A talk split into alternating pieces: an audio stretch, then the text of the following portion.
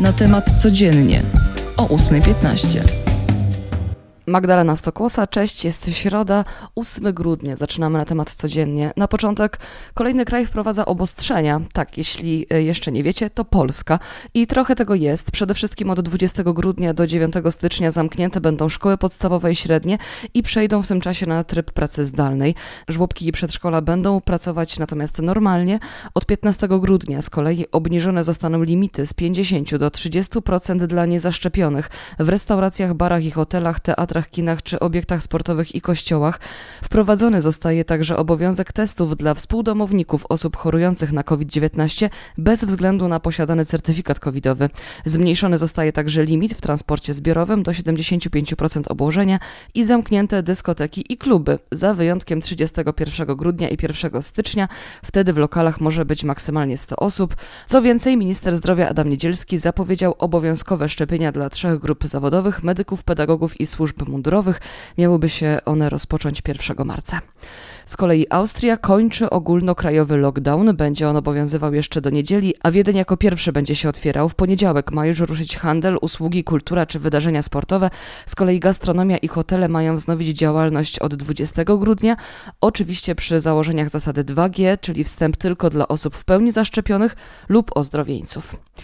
Z Austrii podróżujemy do Niemiec i tam już dziś oficjalnie Angela Merkel żegna się ze swoim stanowiskiem. W Berlinie zostanie wybrany przez parlament jej następca. Nowy, dziewiąty w historii Republiki Federalnej Niemiec kanclerz Olaf Scholz SPD.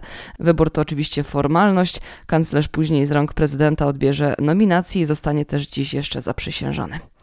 To jeszcze szybkie podsumowanie wczorajszych rozmów Biden-Putin. Prezydenci odbyli wideo rozmowę na temat sytuacji na granicy z Ukrainą i koncentracji tam wojsk rosyjskich. USA zagroziło, że jest gotowe wysłać wojsko na wschodnią flankę NATO, by wspomóc swoich sojuszników, jeśli Rosja zaatakuje Ukrainę.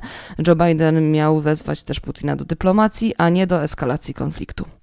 A co dziś w polskiej polityce? Wznowienie przerwanych w zeszłym tygodniu obrad. Posłowie zajmą się m.in. projektem ustawy o funduszu kompensacyjnym. Ma on umożliwić zaszczepionym uzyskanie świadczenia, powiedzmy odszkodowania w związku z zaistniałymi niepożądanymi odczynami, bez konieczności odwoływania się do postępowania przed sądami. Wysokość tej kwoty będzie zależna od tego, jak długo pacjent był hospitalizowany. Jednym z punktów obrad ma być też dodatek osłonowy, który jest częścią rządowej tarczy antyinflacyjnej. Znamy nazwiska laureatów nagrody Grand Press. Dziennikarzem roku został Andrzej Poczobut, korespondent Gazety Wyborczej, działacz Związku Polaków na Białorusi, więziony przez władze białoruskie za podżeganie do nienawiści. Z kolei nagrodę 25-lecia Grand Press otrzymał Bernold Kittel. Pełną listę nagrodzonych znajdziecie na natemat.pl. Tak jak już jesteśmy przy wyróżnieniach, to śpiulkolot został wybrany w plebiscycie na młodzieżowe słowo roku. Oznacza spanie, sen, łóżko, a nawet samo udanie się na spoczynek. Jak podają językoznawcy, odnosi się do potocznego słowa śpiulkać, czyli spać. Drugie miejsce zajęło pożegnanie nara, a trzecie twoja stara. Plebiscyt jest organizowany od 6 lat. No i mamy znów ciekawe badania. Otóż naukowcy z Yale podają, że przewlekły stres sprawia, że starzejemy się szybciej. Przebadali oni zdrowe osoby w wieku od 19 do 50 lat i co odkryli? Że osoby, które doświadczają przewlekłego stresu, miały więcej markerów związanych z szybszym starzeniem się. Czyli jak się okazuje, poprzez pracę z emocjami i kontrolowanie swoich myśli, możemy spowolnić swój zegar biologiczny. Mówiłam wam wczoraj o ruszającej aukcji Bambini Magdalena Abakanowicz i cóż, artystka pobiła swój własny rekord kolejnym rekordem. Instalację 83 rzeźb dzieci sprzedano za ponad 13,5 miliona złotych.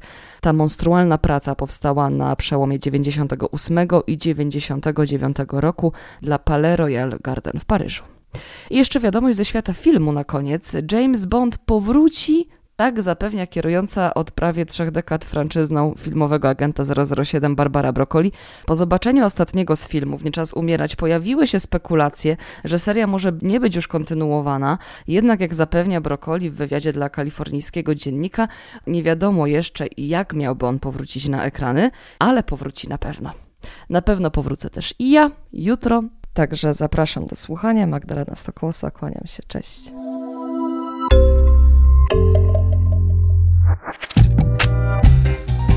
Na temat codziennie o 8.15.